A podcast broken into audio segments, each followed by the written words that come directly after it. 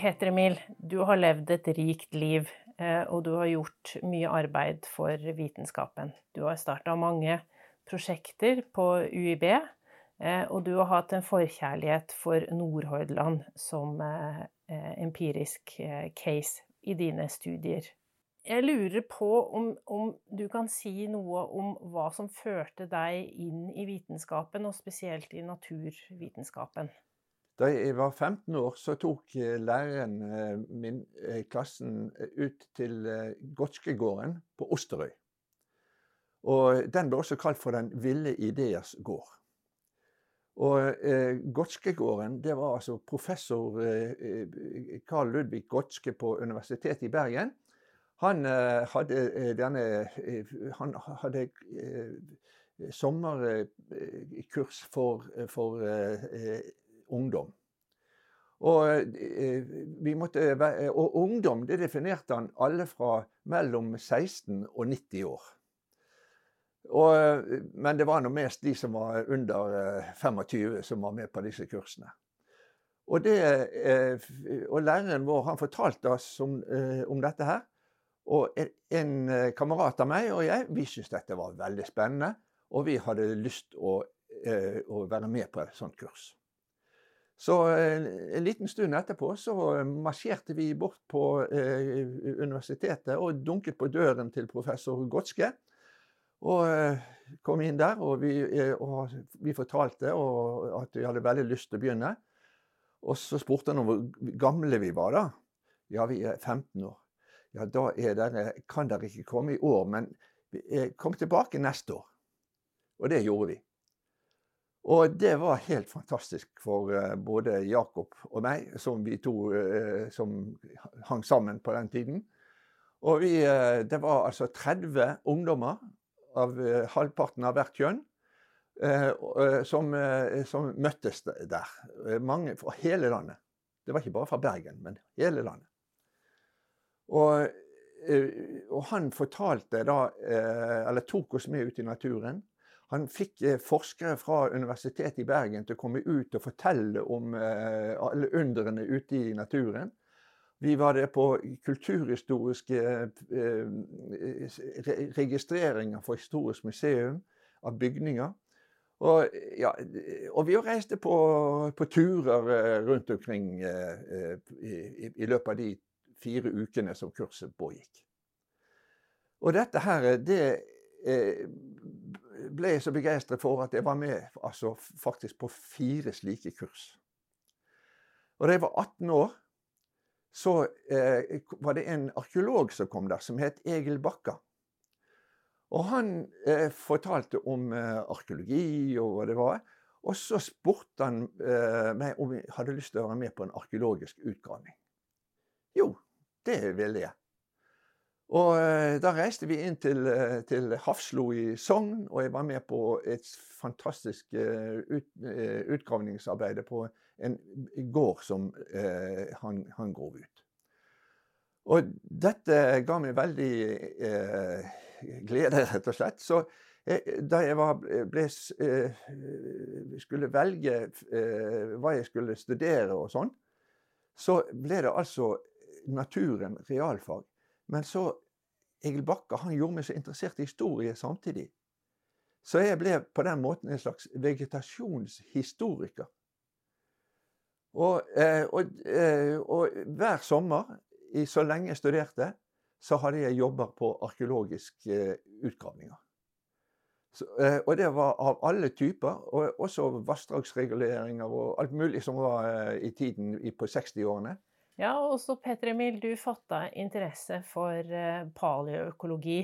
Og for de som ikke helt vet hva paleoøkologi er for noe, kan du forklare hva man gjør når man er en paleoøkolog? Jo, altså eh, paleoøkologi, det er eh, historien til økologien. Og jeg holdt på med da botanikk, så det ble da vegetasjonshistorie. Og min jobb eh, som vegetasjonshistoriker det var rett og slett å grave sjakter i myrer og studere lagfølgen i myrer. Og eh, reise ut på innsjøer med boreutstyr, eh, nesten som oljeboringsperson, og boret ned i, i, eh, i, i, dette og tok opp sedimenter fra eh, prøvene. Eh, fra, fra, sedimentene.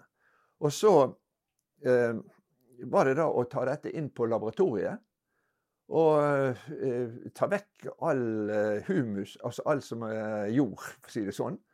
Og så eh, behandler vi det med forskjellige kjemikalier. Og da eh, kan vi se på blomsterstøvet eller pollen.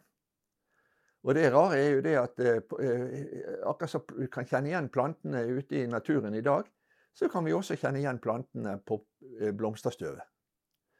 Så det vi rett og slett gjør, det sitter med et mikroskop eh, og eh, sitter og bestemmer hvert eneste blomsterstøv som vi ser inni der.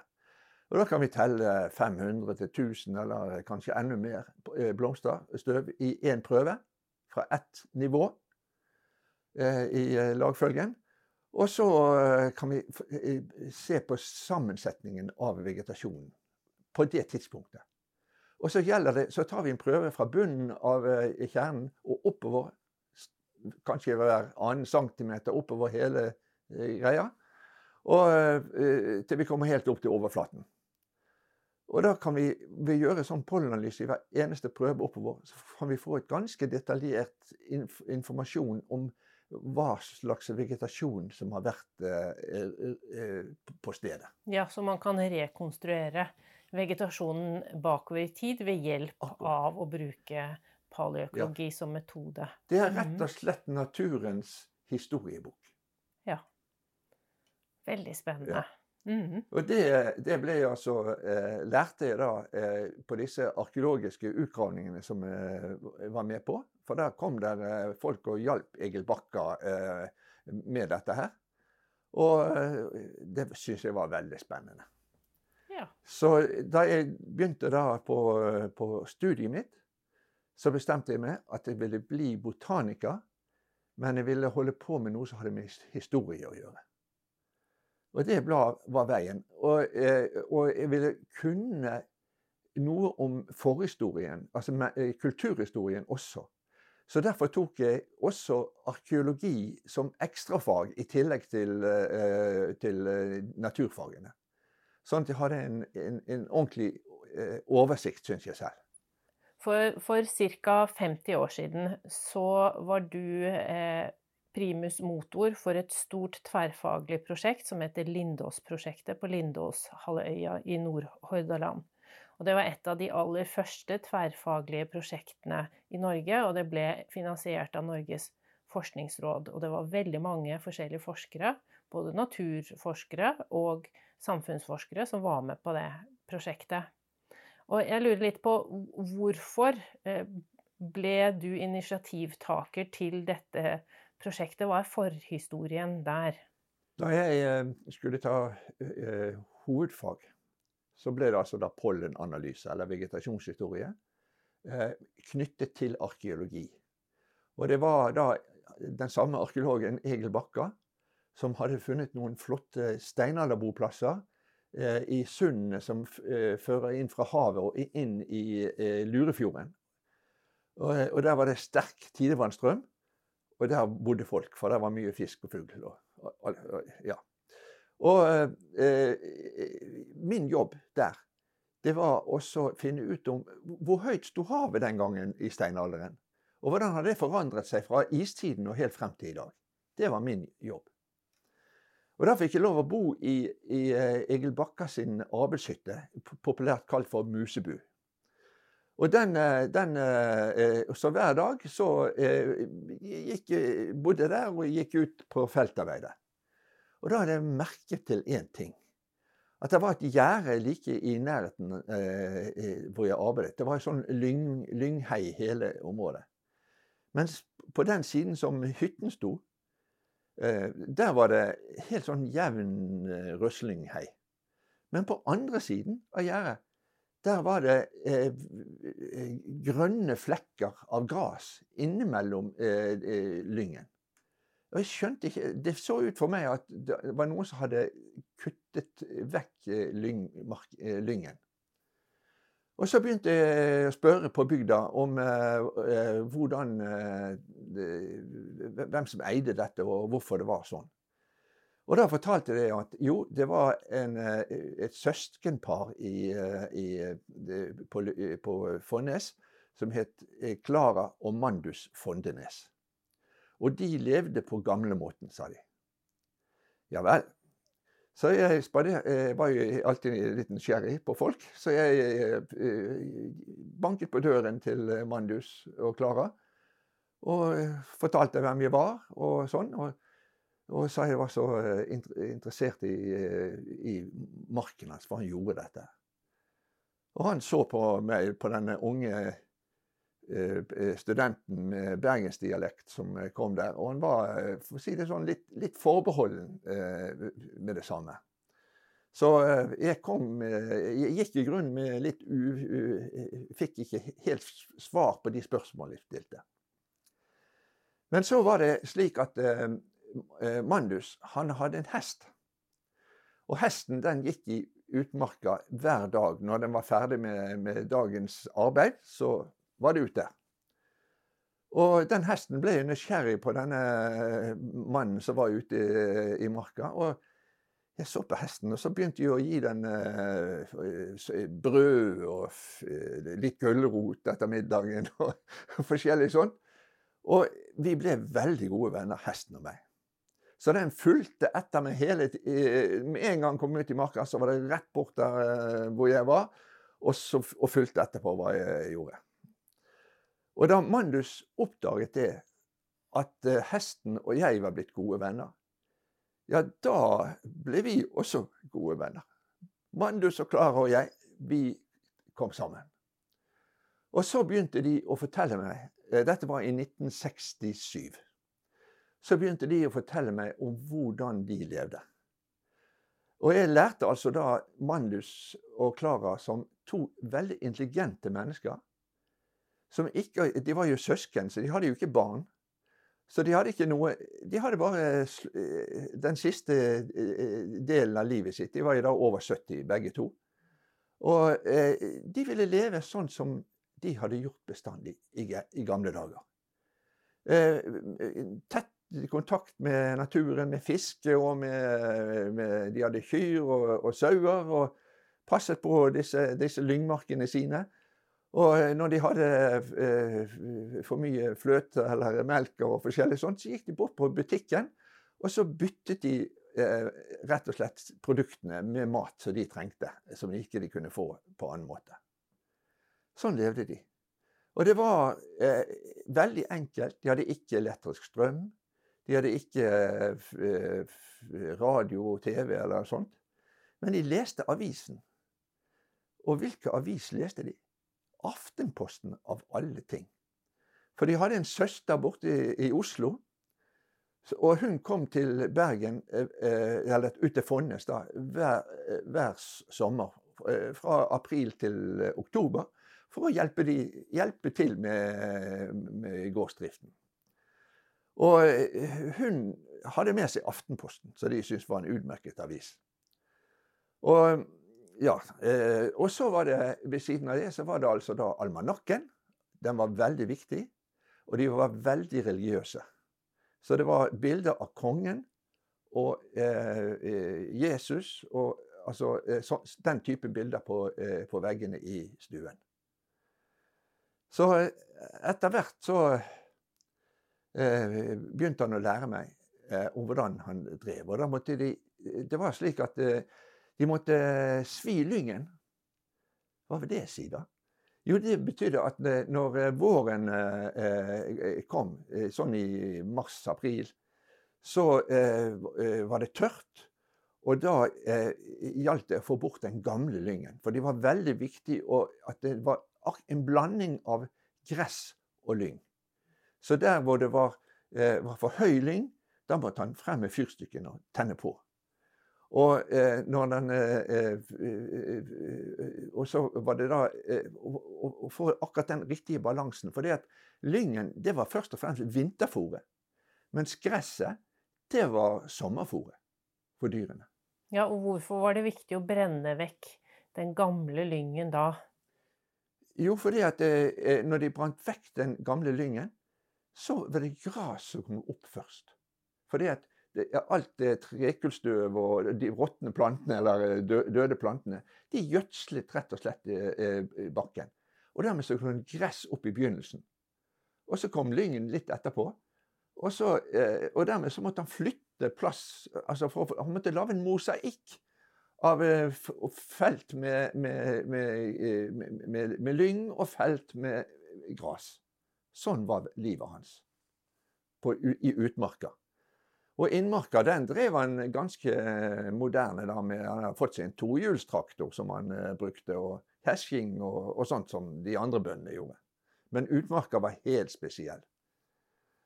Så, uh, så jeg var jo nysgjerrig på dette med brenning. Jeg jo da, jeg kom jo fra Bergen by. sant? Uh, og øh, mine foreldre var jo strenge og sa det at øh, du må ikke tenne fyr i, i, på, i, bakken og sånt.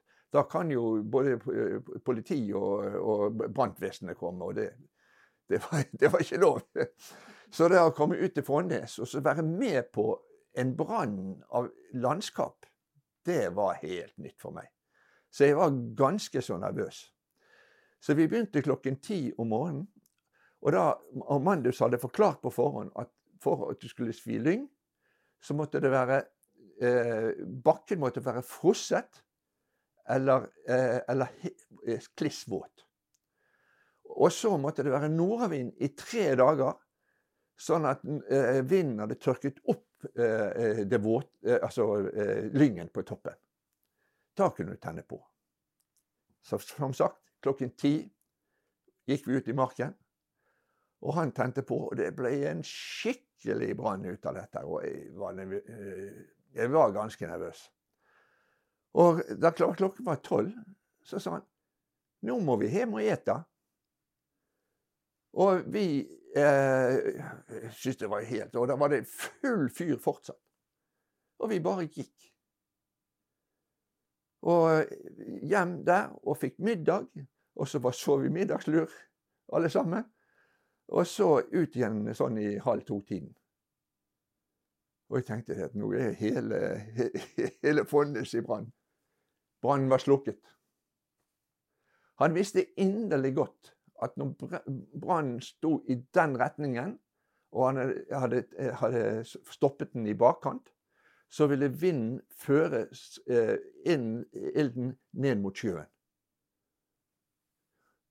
Og dette hadde han lært av sin foreldre, som igjen har lært av sine foreldre. Dette han gjennomførte en tradisjon som jeg senere lærte var flere tusen år gammel.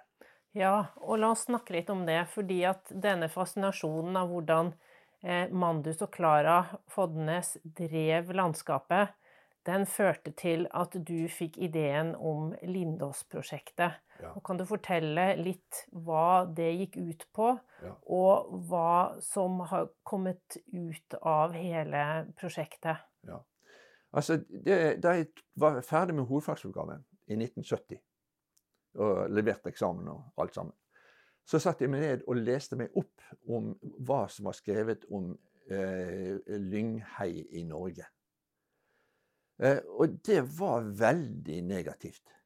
Det var eh, stort sett etnologer og ja, eh, eventyrfortelleren Mo og Bjørnson og De, de, de syns altså denne trefrie stripen langs med kysten av Norge og disse bitte små gårdene som lå der, det var altså det fattigste av Norge. Og, eh, og, eh, og Bjørn, Stjerne Bjørnson snakket jo om skogplantingen, hvor viktig det var. Plante tre, og det vokser når du sover, osv. Så, videre. så det var en veldig press på, eh, i, på slutten av 60-tallet om at folk måtte plante skog. Så jeg ble altså De andre bøndene på Fonnes de hadde jo delvis sluttet med å bruke lyngheine. De bare begynte å plante skog. Eller brukte ikke utmarken i det hele tatt. Og da skjønte jeg det at dette landskapet her Det er ikke sikkert det varer så lenge. Så eh, jeg begynte da å jeg undersøkte også Jeg leste jo den, den europeiske litteraturen. Og da kommer vi sør til Danmark og nedover. Og der er det jo lyngheiene kalt heden. Og heden, det var jo, det var jo eh, liksom naturen i Danmark. Akkurat som vi reiser opp på, opp på stølene for, til alle jentene oppe i stølene, og, og, og, og, alt som det, livet som var på stølene med kyr og, beite og alt sammen. Der ligger det norske hjertet. Og, sånn var det for, i, om heden i, i, vi kommer til Tyskland og, videre sørover. Så dette ville jeg gjøre noe med. Og så i, i 1970 så fikk vi plutselig høre at eh, det skulle komme storindustri på eh, Mongstad. Det var eh, litt ulikt eh, Det var ikke helt sikkert hva, om det skulle bli aluminiumskraftverk eller det skulle bli olje, eller hva det var. Men eh, det skulle i hvert fall komme storindustri. Og da, da hadde jeg faktisk erfaring fra eh, sommerjobbene mine som arkeolog. For da hadde jeg jo eh, da, eh, Vi var jo da på vassdragsreguleringer, vi var i forbindelse med veibygging osv. Og, og da visste jeg at da, da har jo da eh, den som bygger ut, en del forpliktelser eh, i forhold til eh, arkeologi, i hvert fall. Men her er det også Jeg skjønte jo det at dette, dette for meg fantastiske landskapet, det ville forsvinne. Og hvis dette ble, ble så stor, en sånn storindustri, så var det jo da en mulighet til å, å, eh, å, å se på, også på naturen omkring. Hvordan har folk levd i dette området? Og eh, hvor gammelt er det egentlig, dette med Lyngmarken? Og vel eh, de, min, professor Fegri han sa det at det var, eh, det var Fimbulvinteren sin skyld.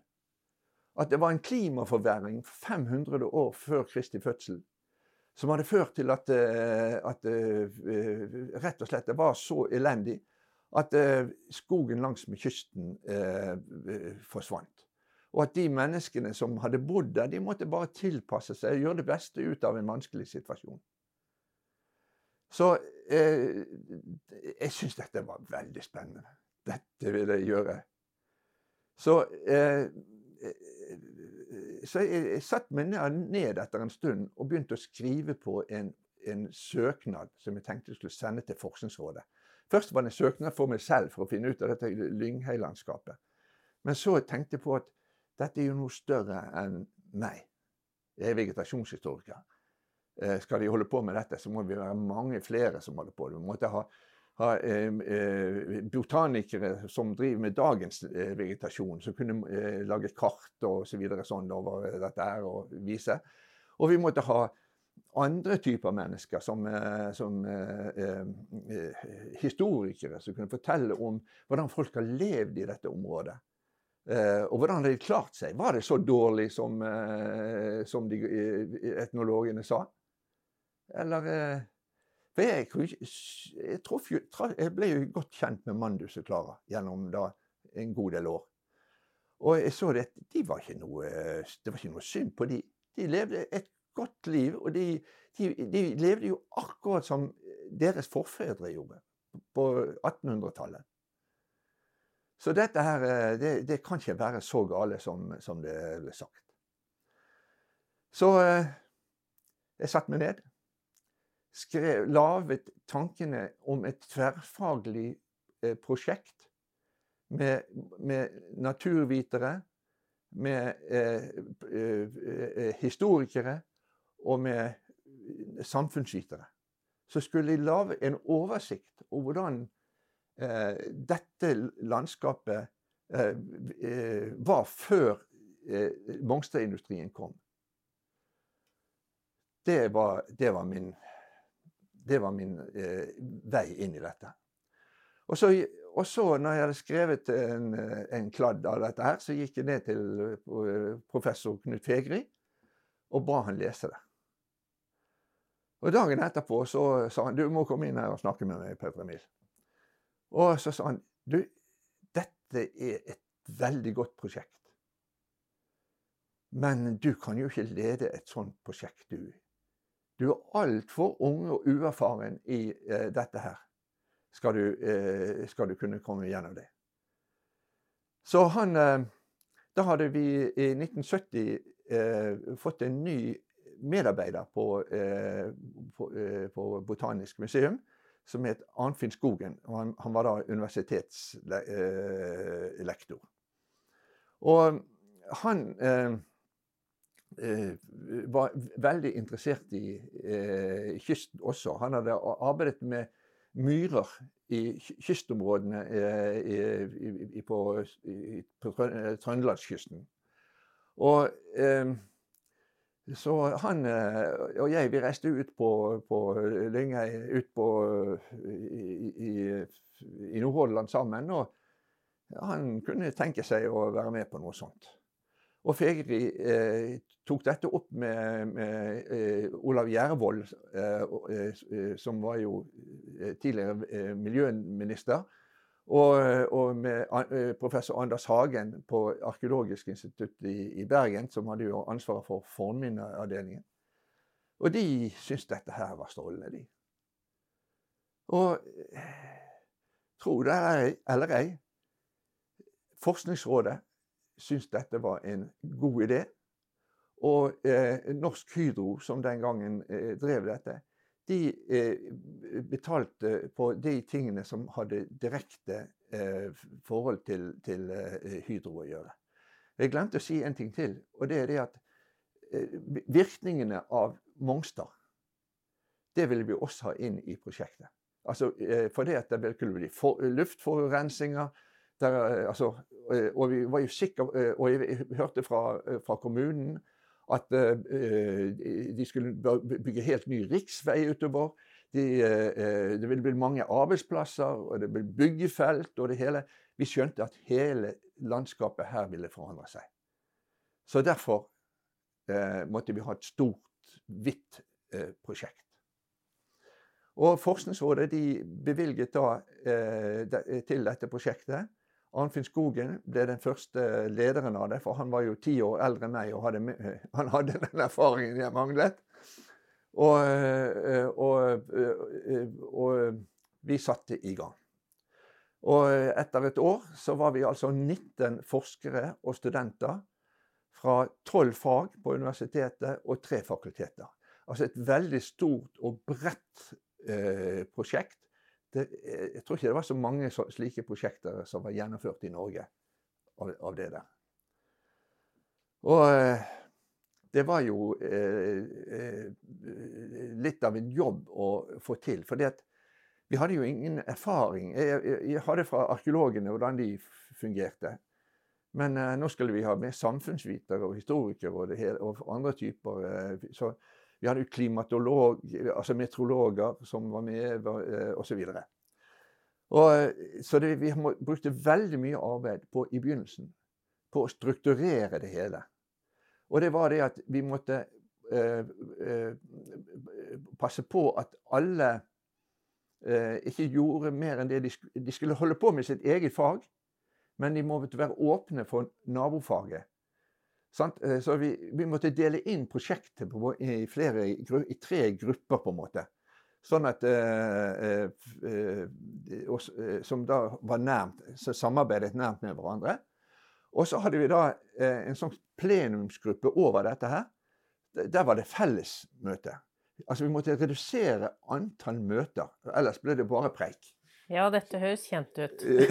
ja. Så vi måtte redusere møtene, vi måtte eh, sørge for at det var veldig klare problemstillinger for hver enkelt. Altså Hver forsker fikk ikke bare lov til å gjøre det de selv hadde lyst til. Her var de, må de en struktur som de måtte følge for å få det til. Uh, ja, hva vil du si er noen av hovedutfordringene dere støtte på når det var så mange som skulle jobbe sammen, og dette var en ganske sånn ny arbeidsform? Ja. Så var det mange unge studenter. Og vi hadde da hatt, eh, nettopp hatt studentrevolusjonen. Så det, vi hadde jo fire marxist-leninister med eh, i, i, dette her. Og så jeg selv var jo ikke det. Jeg kom jo fra et pent akademisk hjem i Bergen og uh, var jo da på borgerlige siden. Sant? Og så der var politiske sider ved det. Eh, og, og, det var også det at de enkelte fagene eh, er jo forskjellige. sant? Så det var, det var en kamp. Peter Emil, du leda jo dette store prosjektet, og som du har snakka om, så var det mye utfordringer selvfølgelig med det å jobbe tverrfaglig og ha et så stort team. Men så gjorde du jo også forskning selv, og kan du fortelle litt om hva du gjorde i Lindås-prosjektet? Ja, jeg eh, ville vite hvor gammelt denne, disse lyngmarkene var. Gikk de bare tilbake til eh, finnbulventeren 500 for Kristi fødsel, eller eh, en annen historie? Så jeg, og jeg samarbeidet da med arkeologer og med, med historikerne. For jeg ville vite hvor gamle var de eh, Arkeologene hadde jo eh, fornminner fra de forskjellige gårdene rundt omkring. Eh, og eh, historikerne de hadde jo noen impulser om hvordan det var fra uh, høymiddelalderen og, fremover til, til, vår egen tid. Så jeg var jo da naturlig interessert altså, også i de kulturhistoriske sidene av det hele. Og i tillegg så er konen min også arkeolog. Så eh, det var helt naturlig at vi fikk den eh, At jeg fikk den, eh, den måten å se det på. Og det jeg da gjorde, det var å gå fra gård til gård. Eller fra, et, fra noen utvalgte gårder. Og så laget jeg pollendiagrammer fra myravsetninger fra de, på gårdene. Og så, eh, ut fra pollendiagrammene, så eh, eh, De så ganske like ut alle sammen. Mer eller mindre. Men det var skog Det var et skogvekst i bunnen. Og så over der så kom det plutselig et brannlag. Så det må ha vært en skogbrann. Og så, eh, Nå er det sånn at det ikke bare blomsterstøv vi kan kjenne igjen i, eh, i, i disse sedimentprøvene. Vi så også trekullstøv. Så det, eh, det, var nesten ingen, tre, veldig lite trekullstøv så lenge det var skog. Så kom den, det brannlaget med masse trekullstøv. Og så, hvis det da hadde blitt skog igjen, for det, etter en skogbrann, så, så bare vokser jo skogen tilbake. Men nei, det fortsatte med masse trekullstøv. Og landskapet forble åpent. Og sånn kunne jeg gå fra Og da var det snakk om å datere da, denne overgangen. Skjedde dette samtidig? Og da eh, kommer da radiologiske dateringer, eller C14-prøver, som vi sier inn. Og de fortalte et helt annet bilde. De fortalte det at ute eh, Jeg måtte også gå litt utenfor eh, for Lindås-prosjekt, eh, fra Lindesprosjektets område for å få helt sikkert resultat. Ute på Feie og på en øy som heter Lyngoksen, der var det forsvant skogen på akkurat samme måten som de andre. Allerede i yngre steinalder. Og mens jeg kom inn til Fonnes hos Mandus og Klara, ja, der fikk jeg datering, sånn at det var først i uh, 400 etter Kristi fødsel. Og det stemte med det arkeologiske materialet. Det var en flott gravhaug som var gravd ut med bronsekjele og det hele. Så ble datert til samme tid som, eh, som meg. Men så kom spørsmålet Hvor stor del av gården Eh, brente de av, da? Altså, de åpnet en ny gård, men tok de hele gården og brente? Eller var det bare en liten del av gården de brente? Og der eh, eh, var vi på en øy som heter eh, Lurikalven, som ligger eh, midt i Lurefjorden. Og der visste vi at det var en gård eh, som var nedlagt etter svartedauden. Og der, eh, der, eh, der, eh, fikk vi Der fikk en student som het Mons Kvamme. Som senere ble min kollega og, og god venn. han skulle gjøre pollenanalyse. Og da fikk han beskjed om at du må ikke bare gjøre det, du må gjøre det på innmarka. For det, vi kunne jo se hva som har vært innmark og utmark på den gården. Den var jo nedlagt, ikke rørt noe senere. Og så må du gå ut i utmarken og se på Forsvant like hele utmarken, eller bare litt av utmarken? Han viste det at alt sammen ble svidd av på én gang. Og det må ha vært litt av en jobb. Altså, en, den skogbrannen Nå var jo dette en øy, så det var ikke så farlig. Det var på en øy på to kvadratkilometer. Eh, men, eh, men litt av en brann. Og så, måtte de, og så måtte de passe på at det ikke grodde igjen med ny skog. Hvordan skulle de gjøre det, da? Jo, da måtte de ha husdyr. Da måtte de ha masse husdyr som kunne gå og beite på dette her. Sånn at de, alle de små frøplantene som kom fra trærne, de måtte bli spist opp av, av disse dyrene. Så, der fikk vi en, en, nøkkel til hvordan landskapet hadde åpnet seg. Så, eh, og sånn gjorde vi på flere andre steder også. så vi kunne, kunne gå fra gård til gård for eksempel, det var en gård som het Førland. Og det betyr furuland. Litt lenger inne i landskapet. Og den gården, den, der var altså Vi aldri har flest så mye blom, eh, pollen av, av, furu som på den gården. Det var helt tjåka. Og så ble den svidd av. Men så grodde de igjen. Og så sved de av den en gang til. Så sånne ting, sånne overraskelser kom. Så det, det, ble liksom min del av det hele. Det var å vise det at dette var ikke eh, klimaet som hadde gjort. Ja. Klimaet var en kjempefordel, for det er så mildt klima langs med hele Atlanterhavskysten. Fra Portugal og langs hele kysten opp til eh, polarsirkelen i Norge. Eh, det milde klimaet det gjør altså at det er mulig å ha dyret ute om vinteren. Og Det var nok grunnen til at bøndene ville svi av så mye på én gang. At da fikk de store beiteområder. Og så kunne de ha, eh, eh, og hvis de hadde da de riktige husdyrrasene, de som tålte litt kulde og, og, og, og grovt fôr, de kunne gå ute hele året. Ja. Og dette var jo ny kunnskap. Ikke sant? Fordi at eh, professor Knut Fegri påstår jo noe annet, og da lurer jeg jo litt på hva, hvordan ble dette mottatt? Eh, skjønte de med en gang at det er sånn det måtte være? For dette var jo ganske harde fakta, eh, disse eh, pollenanalysene.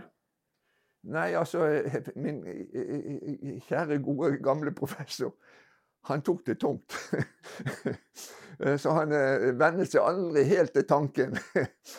men, eh, men, jeg holdt jo mange foredrag rundt omkring. Og andre eh, Når vi først begynte med lyngheiene i, i, i Nordhordland, så spredte det seg til andre områder, og de fikk jo lignende resultater.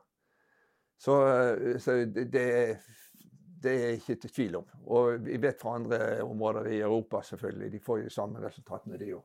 Ja, Så nå er dette allmennkunnskap? Det er det som er allment i dag, ja. ja. Det er jo veldig spennende ja. at uh, du tok initiativ til å, å ja, fremskaffe men, men det. var ikke bare meg, det var jo andre. F.eks. en svensk forsker som het Romell. Han, han, sa jo det at det er jo helt umulig at det kan være klima som gjør dette her. Men det var veldig sterk tro eh, eh internasjonalt for at klima det, eh, Og de hadde ingen måter å datere tingene på. Så det var ikke rart at de kunne tro at dette var samtidig. Eh, og, eh, se, eh, mens, når vi først fikk dateringen, så kunne vi si at dette gikk jo over lang tid. Det tok faktisk For å komme tilbake til eh, Nordhordland, så begynte de altså i, i, i yngre steinalder for 2500 år siden. Og de siste gårdene som jeg har åpnet opp, altså fått dateringer fra, de var fra vikingtiden. Så det var en prosess som tok altså over 3000 år å åpne dette landskapet. Og så var det åpent i, i knapt 1000 år. Og så, nå har vi da altså brukt under 100 år på å gjøre det til skog igjen. Jeg syns det, jeg syns det Jeg tenker på Vi bruker nesten ikke de ressursene lenger. Nei, og det er en ny dimensjon eh, av eh, landskapsbruk som vi kan komme tilbake Ja. til. Mm. Ja. Ja, og, Men det var jo Altså, det var meg. Nå fortalte jeg, nå forteller jeg meg selv. Da er det mye enklere å fortelle enn alle de andre. Men botanikerne, de andre botanikerne, de, eh, eh, der gjorde vi det sånn at vi delte eh, landskapet i Nordhordland inn i, i såkalte modellområder. Ti modellområder. For det, vi har ikke kapasitet til å, å undersøke alt. Så, og, de modellområdene, der prøvde jeg å samle så mange forskere som mulig på hver av de ti modellområdene. Sånn at vi fikk noen felles steder å arbeide på. Og, så der fikk vi altså historier om, eh, eh, om vegetasjonen, hvor den er, den er i dag. Vi fikk om jord, jordbunnen, altså om eh, geolog eh, som undersøk, kvartærgeolog som undersøkte jordbunnen. Eh, vi fikk eh, eh, klimatologene som fortalte om klimaet i dag. Vi, fikk eh, ti nye klimastasjoner som Meteorologisk institutt eh, og eh, dette prosjektet sto felles om i, i de årene som vi holdt på, på med Lindus-prosjektet. Og det var delvis pga. Mongstad. Pga. luftforurensning. Sant? At vi skulle få målt det på forskjellige måter. Ja, ja. Eh, og så eh, var det da historikerne, altså arkeologene, fortalte om de eh, som ga oss forhistorien til dette. Eh, Sigrid, konen min, som går ut av denne eh, gården på, på Lurekalven som Mons Kvamme arbeidet med. Eh, og eh, historikerne som fortalte da om, eh, om eh, driftsformene i, i, i jordbruket og om eh, befolkningsøkningen, hvordan den eh, har vært eh, eh, gjennom tidene. Og eh, vi hadde eh, For å komme tilbake til naturvitenskapen igjen. eh, Vi hadde jo da eh, eh, mikrobiologer som var med. Der hadde vi eh, rett og slett sånne modeller for eh, myr og for lyngmark. Hvordan, eh, eh, hvordan skjer nedbrytningen av jord? Hvordan skjer eh, driften, eller hva skal jeg si Karbonkretsløpet. Kretsløpet i, takk, eh, i, i, i dette her. Eh, og eh, Så det er da eh, så det er kommet ut mange, mange publikasjoner fra eh, Lindås-prosjektet. Vi hadde en, en sånn eh, eh, en eh, rapportserie på nesten 40 eh, artikler. Og så hadde vi da selvfølgelig internasjonale tidsskrifter og norske tidsskrifter og populærvitenskapelige saker. Eh, Forskningsnytt skrev vi og, eh, ja. Og vi hadde eh, radioprogrammer med jevne mellomrom som, eh, som, eh, hvor vi fortalte hva fra arbeidet vi, vi gjorde. Og en av de som bidro inn mot eh, Lindås-prosjektet, var Arne Lie Christensen. Ja. Eh, og han jobba ute på Fonnes. Han jobba også på, eh, inne på Eh, På, eh, på Hodneland. Ja, han jobba også på Hodneland, ja. Også på eh, fabrikken inne på Bjørsvik. Eller, eh, Ja. ja. Og nå er det jo sånn at han gjorde en del intervjuer med folk. Og jeg lurer på om du kan fortelle litt, for vi har jo tatt tak i dette nå, et av hans gamle manus, som vi nå har brukt en del tid på å redigere i det siste, og som vi nå prøver å gi ut som bok. Og jeg lurer på om Kan du forklare litt hva bakgrunnen til det manuset er?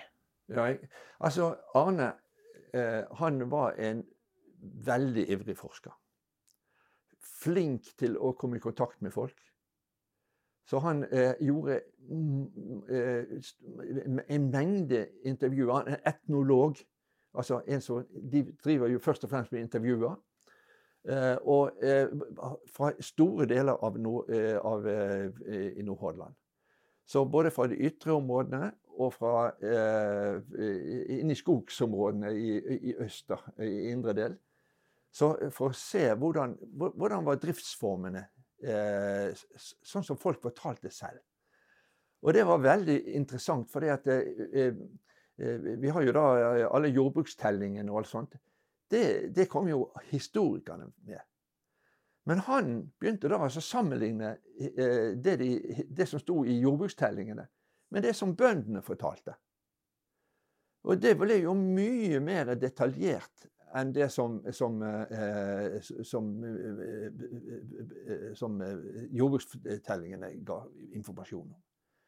Så han ga, altså han ga, Og han oppsøkte da mennesker som var født på slutten av, av 1800-tallet. Og, ja, og, og, så han levd da frem til ja, frem til 1970, for det var jo Og Eh, og, var, eh, og de, var, veldig mange av de var veldig flinke å fortelle. De, de hadde i grunnen litt liten tro på seg selv mange ganger. Uh, men når det kom en sånn uh, forsker og fortalte at dette var kjempespennende, og dette var dårlig beskrevet osv., så, videre, så ble, ble, de veldig ivrige, mange. Og, og, og, dette skrev han ned. Og han, han skrev altså boken om Hodneland Eh, den eh, kom jo da ut eh, etterpå. Og også den om, om fabrikken inne på, i Bjørsvik. altså miljøet omkring For det, lønnsarbeid ble jo også viktig i, i løpet av 1900-tallet. Så det, han prøvde også å se hvordan familieøkonomien hadde endret seg fra, fra tidlig på 1900-tallet og så fremover. Ut fra det folk fortalte. Og det er en beretning i hans første arbeid som var fra Fonnes, hvor Mandus og Klara bodde. Han traff sønnen til en husmann eh, som eh, eh drev eh, der fra, eh, så, fra tidlig på, eh, ja, på, på 1900-tallet. Og så plassen ble, ble nedlagt i 1944, visst. Og og hvordan levde de? Og det, var, og det er helt fantastisk lesning. Alt de kunne. Han, eh, han var, eh, han var bonde på den lille marken han hadde. Han var fisker. Han Og ikke bare én type fiskeri. Det var sild, og det var eh, makrell, og det var ja, alle slags fisk som fins eh, i, i, området. Og han var eh, skomaker. Så han laget eh, sko til folk. Eh, så, han, gjorde, han var et mangesysleri, for å si det sånn, av, av eh, arbeidsoppgaver. Og konen hans hun var akkurat på samme måten. Hun sydde for folk. Hun eh, hjalp til på gårdene. Eh, og de hadde altså Hvor mange barn var det? 14 barn. Eh, og alle sammen reiste jo fra eh, Fonnes, unntagen én. Og denne eh, gutten, da, eh, Aksel eh, Fonnes, traff Arne. Og han fikk skrevet ned dette. Og, og slike, ikke, slike, historier gikk han også til de, de, de, bøndene som var, hadde større gårder osv. Så videre, sånn og fikk deres historier. Og, og, og hele, hele, livet, eh, hvordan det utviklet seg fra eh, et sånt mangesysleri eh, hvor, hvor de omtrent levde på de ressursene som var på Fonnes eh, tidlig på 1900-tallet. Og så den utviklingen som kom etter hvert som sildefiske fikk Det kom større båter inn.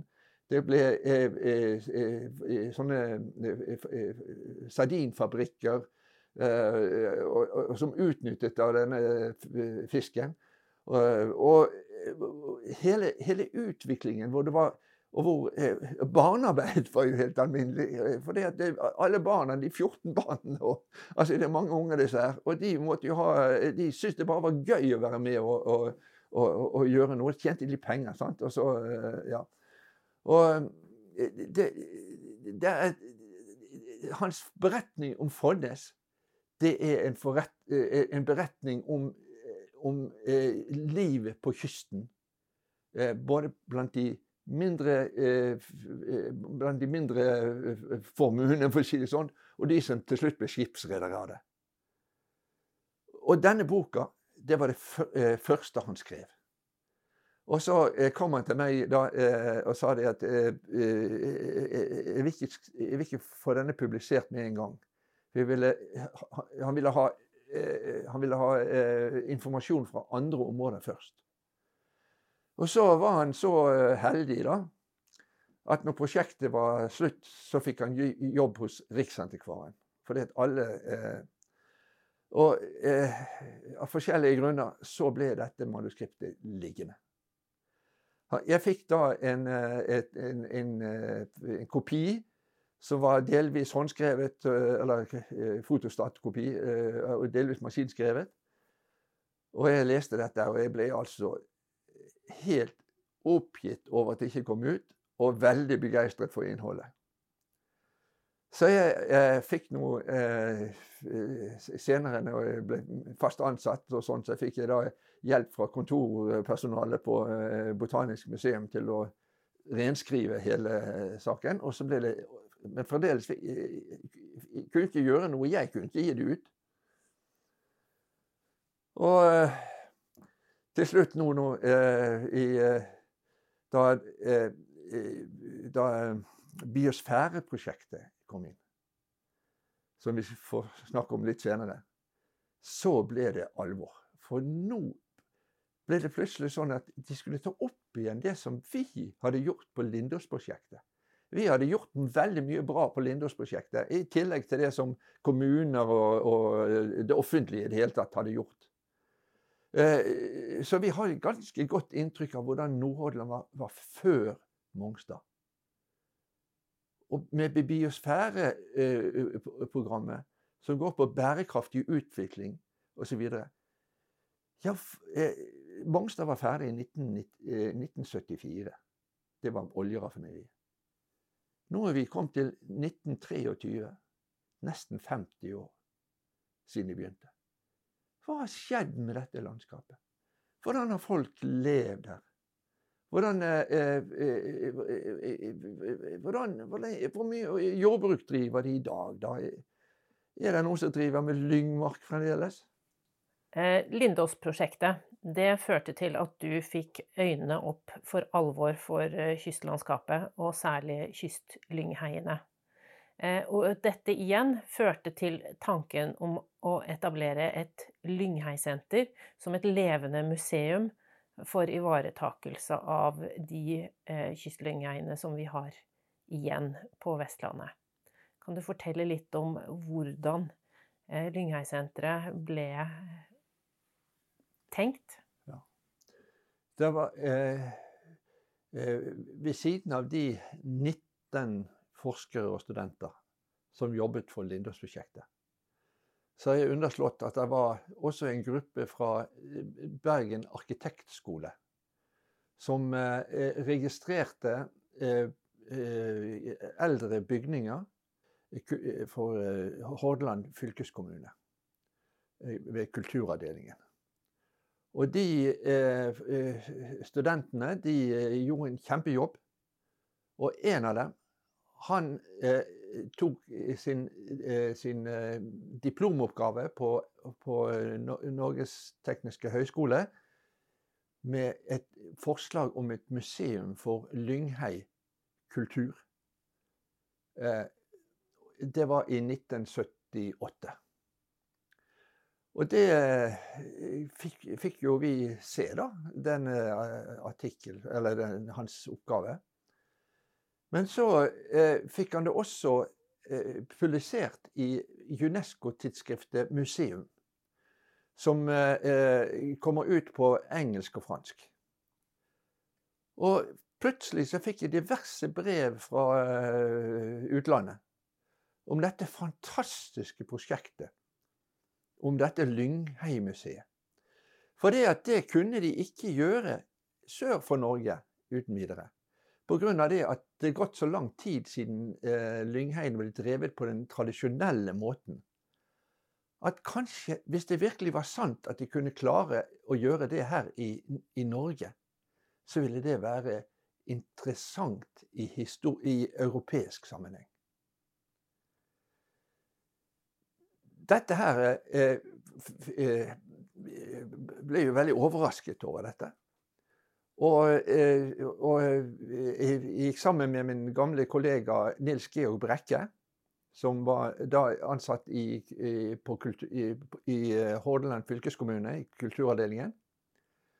Han er et, veldig flink til å skaffe prosjekter og penger og så videre. Sånn.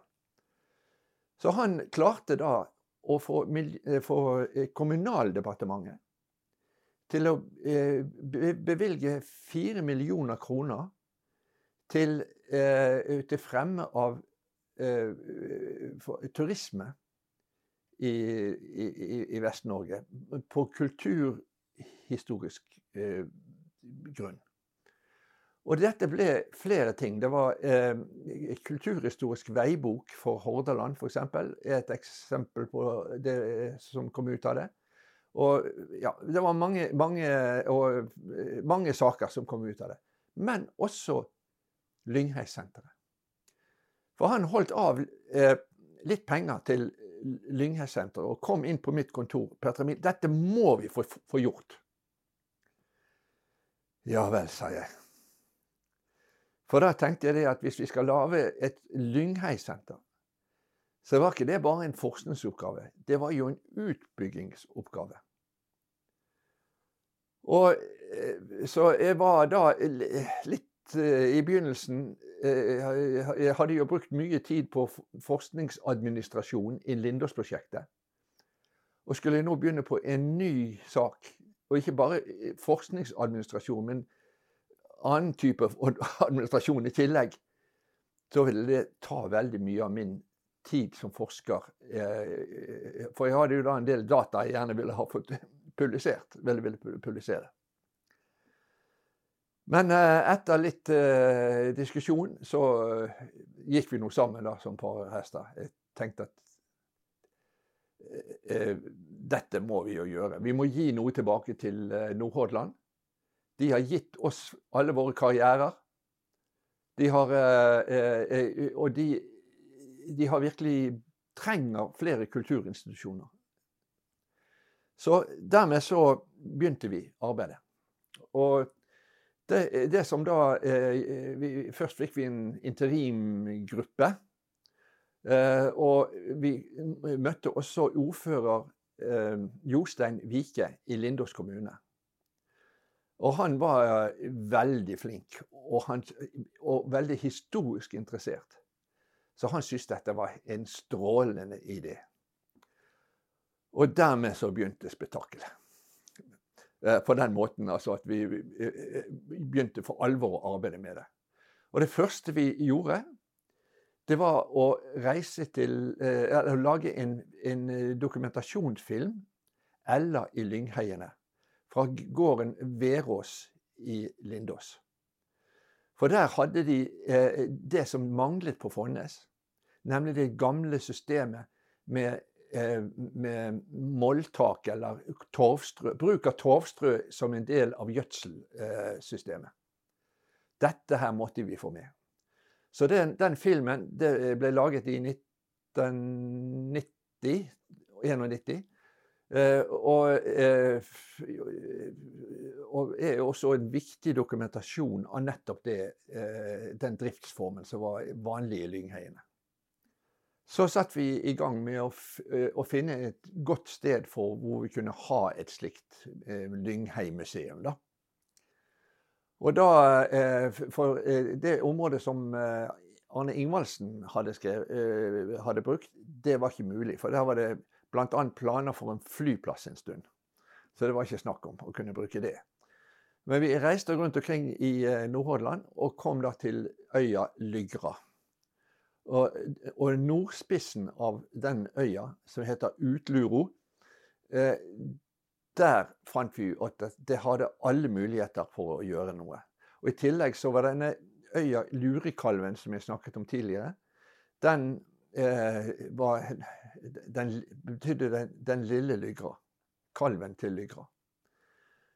Og det som var det gode med, med dette området, det var det at sjøen gikk rundt.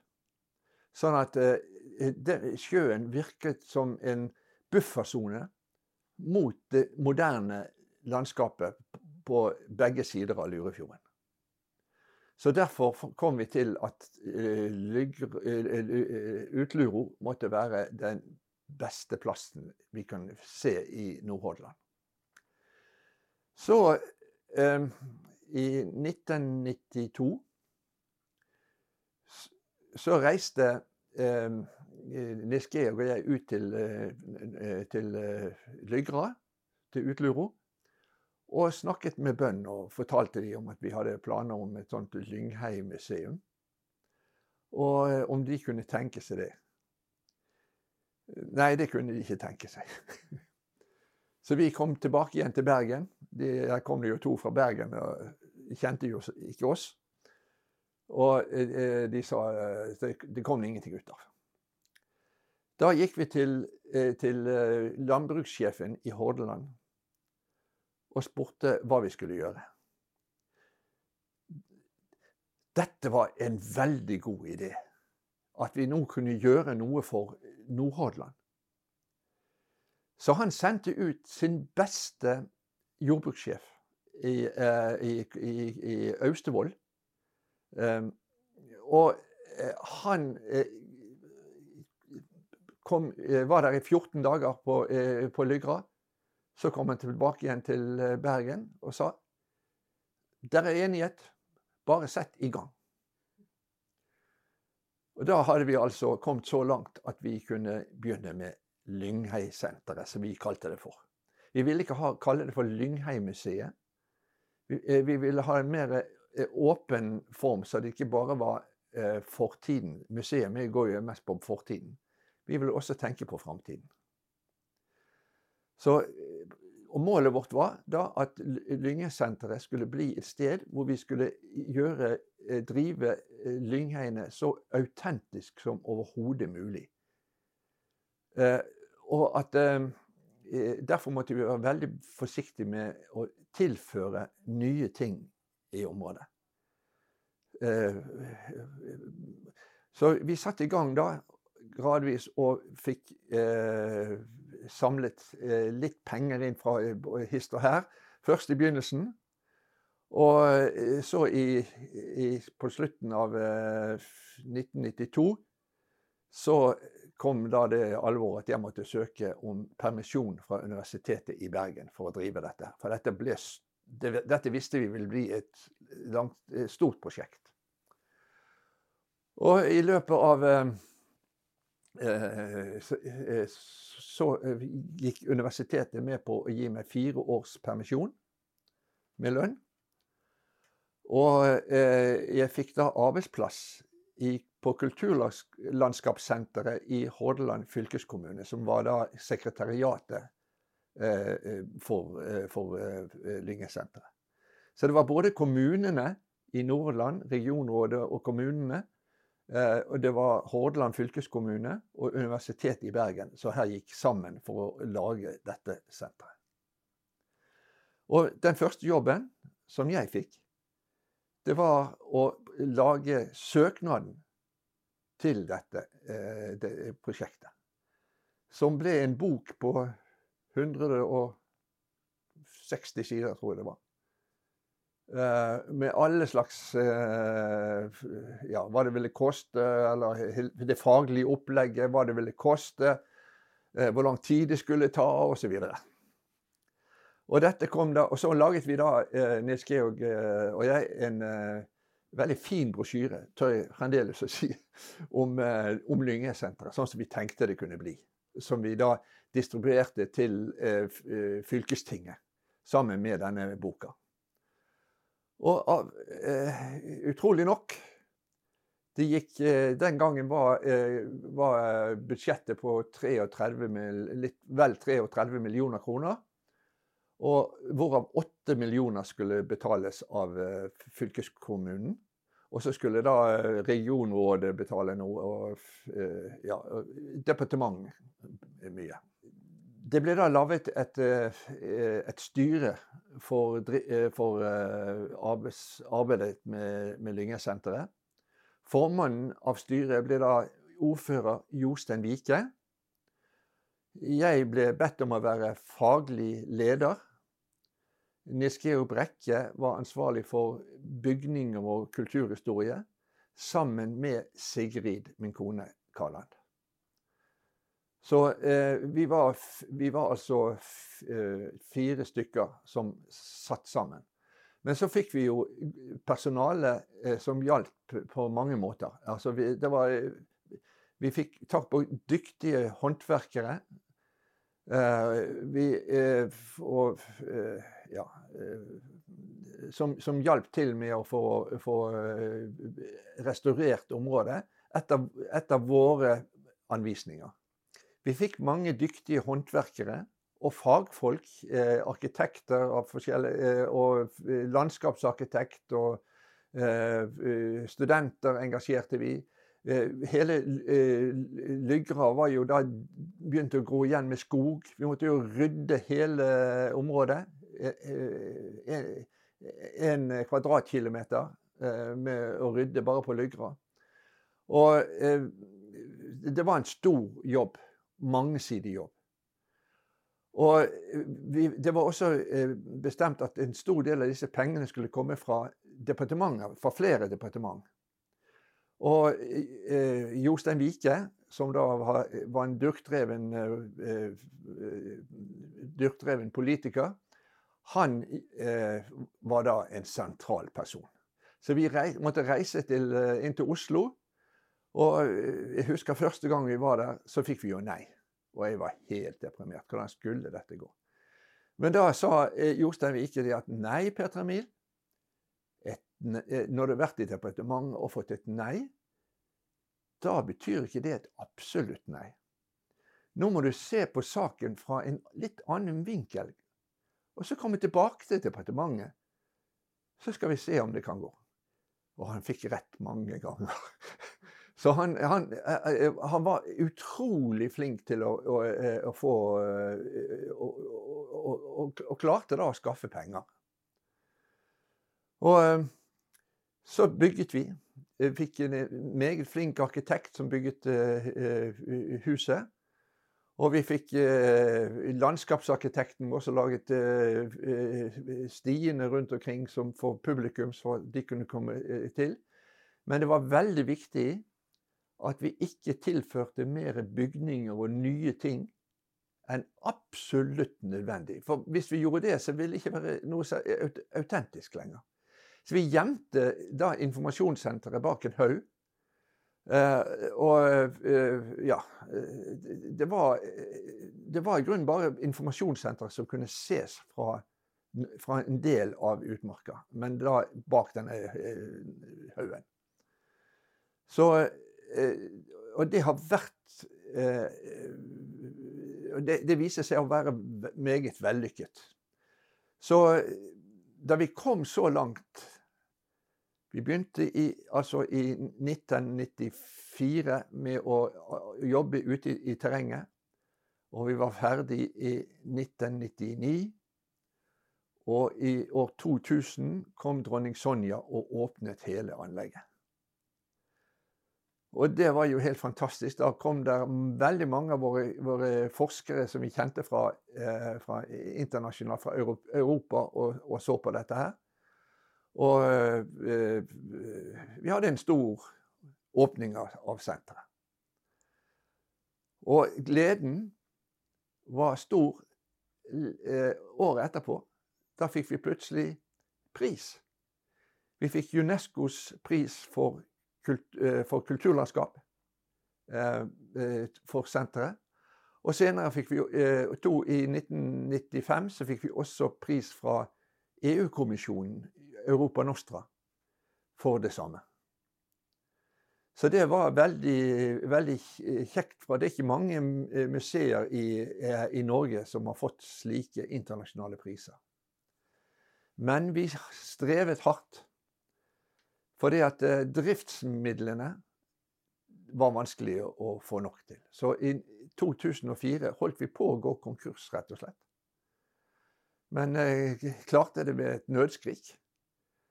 Og i 2007 så ble vi da integrert i museumssenteret i Salhus. Og da, da endte mitt, mitt, arbeid med Lyngesenteret sånn formelt ja, med det. Men ikke helt i Nordhordaland. fordi at vi vet jo nå at du hadde utrettelig tro på nye prosjekter i Nordhordland. Og du hadde vært ute i verden igjen og blitt eh, introdusert til Unescos Man and the Biosphere Program, eh, eh, biosfæreprogrammet, som omhandler mange biosfæreområder. Nå er det 738 biosfæreområder globalt, og mange av de ligger i, i Europa. Men vi hadde ingen biosfæreområder i Norge.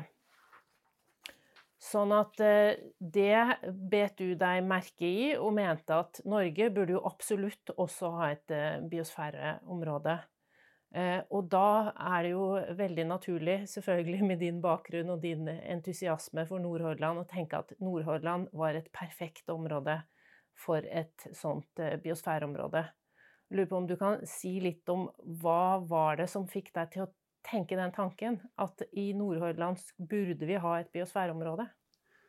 Ja, det begynte i 1995. Like etter vi var begynt med Lyngheisenteret. Da fikk jeg plutselig en oppringning fra Forskningsrådet. Eh, fra, eh, hvor jeg ble spurt om, om jeg kunne tenke å eh, fortelle om Lyngesenteret til en komité som skulle eh, arbeidet mye for å få opprette et eh, biosfæreområde i Norge. Denne komiteen de har forsøkt flere steder oppe i Finnmark og ja, flere steder eh, hvor de ville prøve med dette her. Og de trengte flere forslag. Og jeg reiste inn til Oslo, kom i komiteen, eller som gjest i komiteen. Og fortalte da om Lyngesenteret. Og jeg, jeg ble jo da, leste mye opp på hva biosfæreprogrammet gikk ut på. Og at det rett og slett var på bærekraftig utvikling. Og jeg, jo godt, jeg kjente jo da godt til verdensarven. Men det er jo fortiden. Bærekraftig utvikling, det er jo framtiden for Norge. Og jeg fikk jo vite at det var eh, veldig mange biosfæreområder rundt omkring i verden. Og at, eh, at eh, det, det, var irritasjon i, i, i MAB-programmet over at Norge ikke hadde kommet med i dette. Mens eh, både Sverige og Finland og mange europeiske land var det. Norge manglet. Og da gjorde de en, en god ting. Norge fikk inn en, eh, en representant i hoved, eh, hovedkomiteen til MAB-programmet i Paris. Og da fikk jeg plutselig Dette var da i dette, Tiden gikk. Vi hadde for, før dette forsøkt flere ganger å få det til, bl.a. i 2002, da vi hadde fått denne prisen fra UNESCO. Eh, da kom jo eh, Børge Brende til, eh, som miljøminister til, til, til Nordhordland. Og da snakket vi om dette her. Og vi skrev til da Miljøverndepartementet og fikk da svar tilbake at det var en interessant idé, men det var så hardt press på Miljøverndepartementet den gangen at, at de ikke, hadde ikke kapasitet til dette. Så det var da først i, i 2009, når vi fikk inn denne nye representanten i i hovedstyret til MAB, at eh, klokkene ringte i Oslo. Da ble jeg innkalt til et møte ved den gamle komiteen i Kunnskapsdepartementet, som var den som var ansvarlig. Uh, og det ble sagt at nå må dere gjøre noen ting med Vi må få et, et norsk prosjekt. Og siden jeg da hadde hørt om dette prosjektet, dette arbeidet siden 1995, så hadde jeg tenkt lenge og vel. Og hadde en plan som jeg la frem i det møtet. Og de eh, Det var da enighet om at dette prosjektet eh, var det beste forslaget de hadde hittil i Norge. Eh, Unesco-kommisjonen bestemte at de skulle ha en konferanse i Bergen på universitetet som skulle være nordisk, og om erfaringene man har med biosfæreprogrammet i Sverige og Finland. Og, så se hva, hva, de ville mene om dette, dette som var kom frem i Bergen. Og da, eh, og da hadde vi ekskursjon til Nordhordland, og jeg holdt en, en håper jeg, en flammende tale om, om dette prosjektet. Og, best, eh, og, rektor på universitetet var til stede. Og, og, og han sa det at da ville han Eh, han syntes dette var en veldig god idé, og at han ville eh, gå inn for at Universitetet i Bergen skulle knytte en, eh, et UNESCO-professorat til, til, dette til biosfæreprogrammet. Og dermed så hadde jeg da et, et, et, grønt lys for dette. Og, men så var det jo da å Eh, eh, få enda mer kontakt med kommunene. Og Der hadde jo da den fordelen Jeg ble bedt om å, å drive saken videre på vegne av universitetet. Og, ja. og da eh, hadde jeg fordelen ved at jeg hadde jo vært, jobbet lenge i Nordhordland. Jeg kjente de fleste ordførere og uh, sånn. Og, og hadde jo lært Lynghei-senteret. Så eh, i løpet fra mellom 19, eh, ja, i 2011 og 2012 så det, eh, ble det klart at både regionrådet gikk inn for dette her, og kommunene gikk inn for det. Vi hadde da et møte i 2013, den 13. juni. Da eh, eh, var fylkesrådmannen til stede, og eh, alle ordførerne. Eh, og eh, ja, eh, og rektor på Universitetet i Bergen. Og da ble det bestemt at Nordhordland skulle satse på biosfæreprogrammet. Og at eh, Nordland eh, ved regionrådet tok på seg å være sekretariat for eh, biosfæreområdet. Og at Universitetet i Bergen skulle være hovedsamarbeidspartner. Og det var også da klart fra rektor at arbeidet med, med UNESCO-professoratet, det arbeidet fortsatte. Søknaden til biosfæreprogrammet startet da i 2013. Og eh, regionrådet, som ansatte da Kari Evensen eh, for eh, å være leder for programmet. Og det ble også bestemt at vi skulle følge den svenske metoden, nemlig først å, å lage en forprosjektsøknad. Og før man Eh, for å vise at vi virkelig hadde de kriteriene som eh, var nødvendige. Og så skulle vi starte med hovedsøknaden.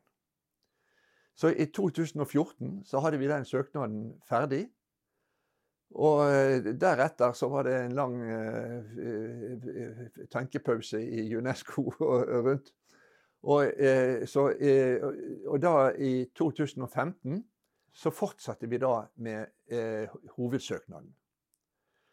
Og det var en, en, eh, en stor jobb. Eh, dette her er jo veldig omfattende. Eh, det er mange fag som er inne i dette. Det er jo hele samfunnsutvikling og, og naturen og det hele.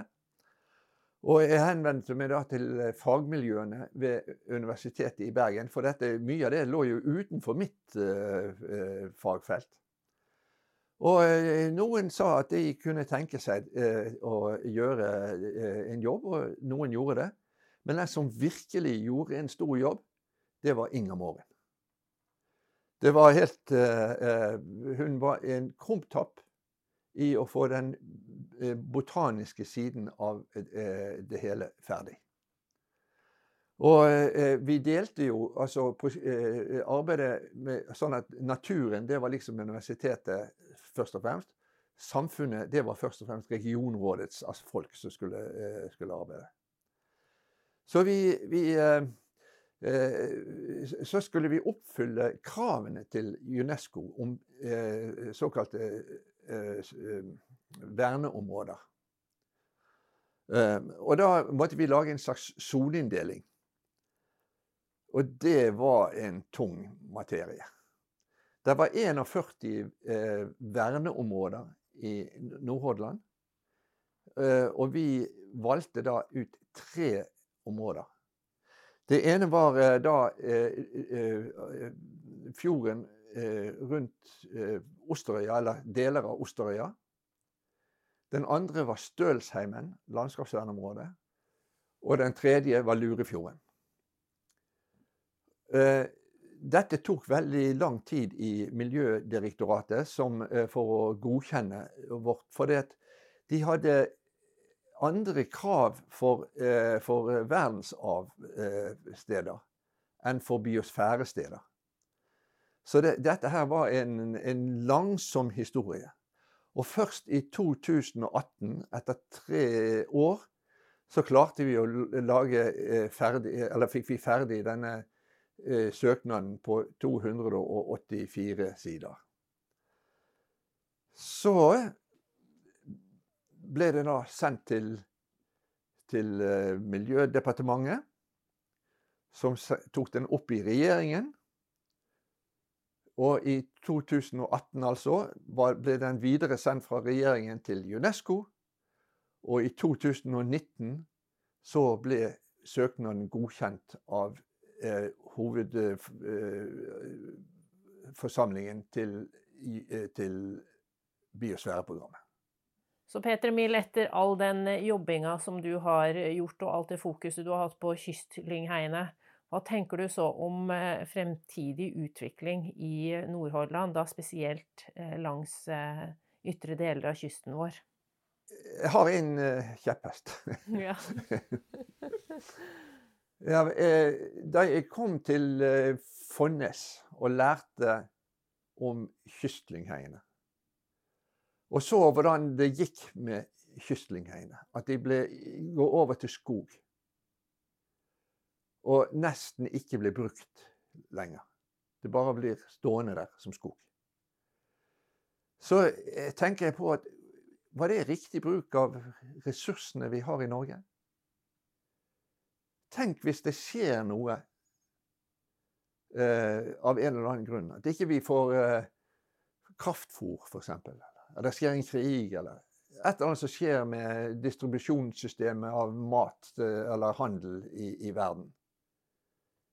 Og kanskje Norge ikke får alle de tingene som de trenger for en veldig sterkt voksende eh, befolkning også i Norge da har vi et problem.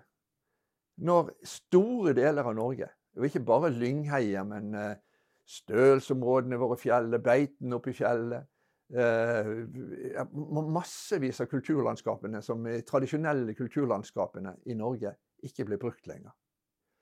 Og når vi vet at eh, Norge har bare 3% med dyrkbar mark, og 90, over 90 er da eh, utmark og innsjøer og, og bartfjell. Norge er ikke et land som kan produsere mye vegetasjon. Altså eh, spisbar vegetasjon for oss mennesker. Vi er derimot et land som kan produsere mye kjøtt. Med eh, husdyr som går på beite rundt omkring i vårt store land.